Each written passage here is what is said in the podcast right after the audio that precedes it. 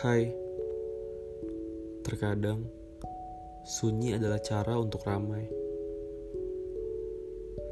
Seperti halnya bahagia dalam diam, bahagia dalam ketidaktahuan akan suatu hal. Diam-diam ternyata bahagia, berisik belum tentu bahagia. Di balik itu semua banyak sedih yang terpendam, terbungkus, tidak tahu ke mana harus dilepaskan. Lebih baik diam dan bahagia daripada berisik namun sedih.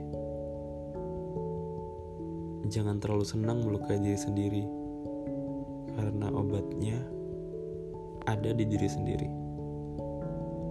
Semoga cepat sembuh.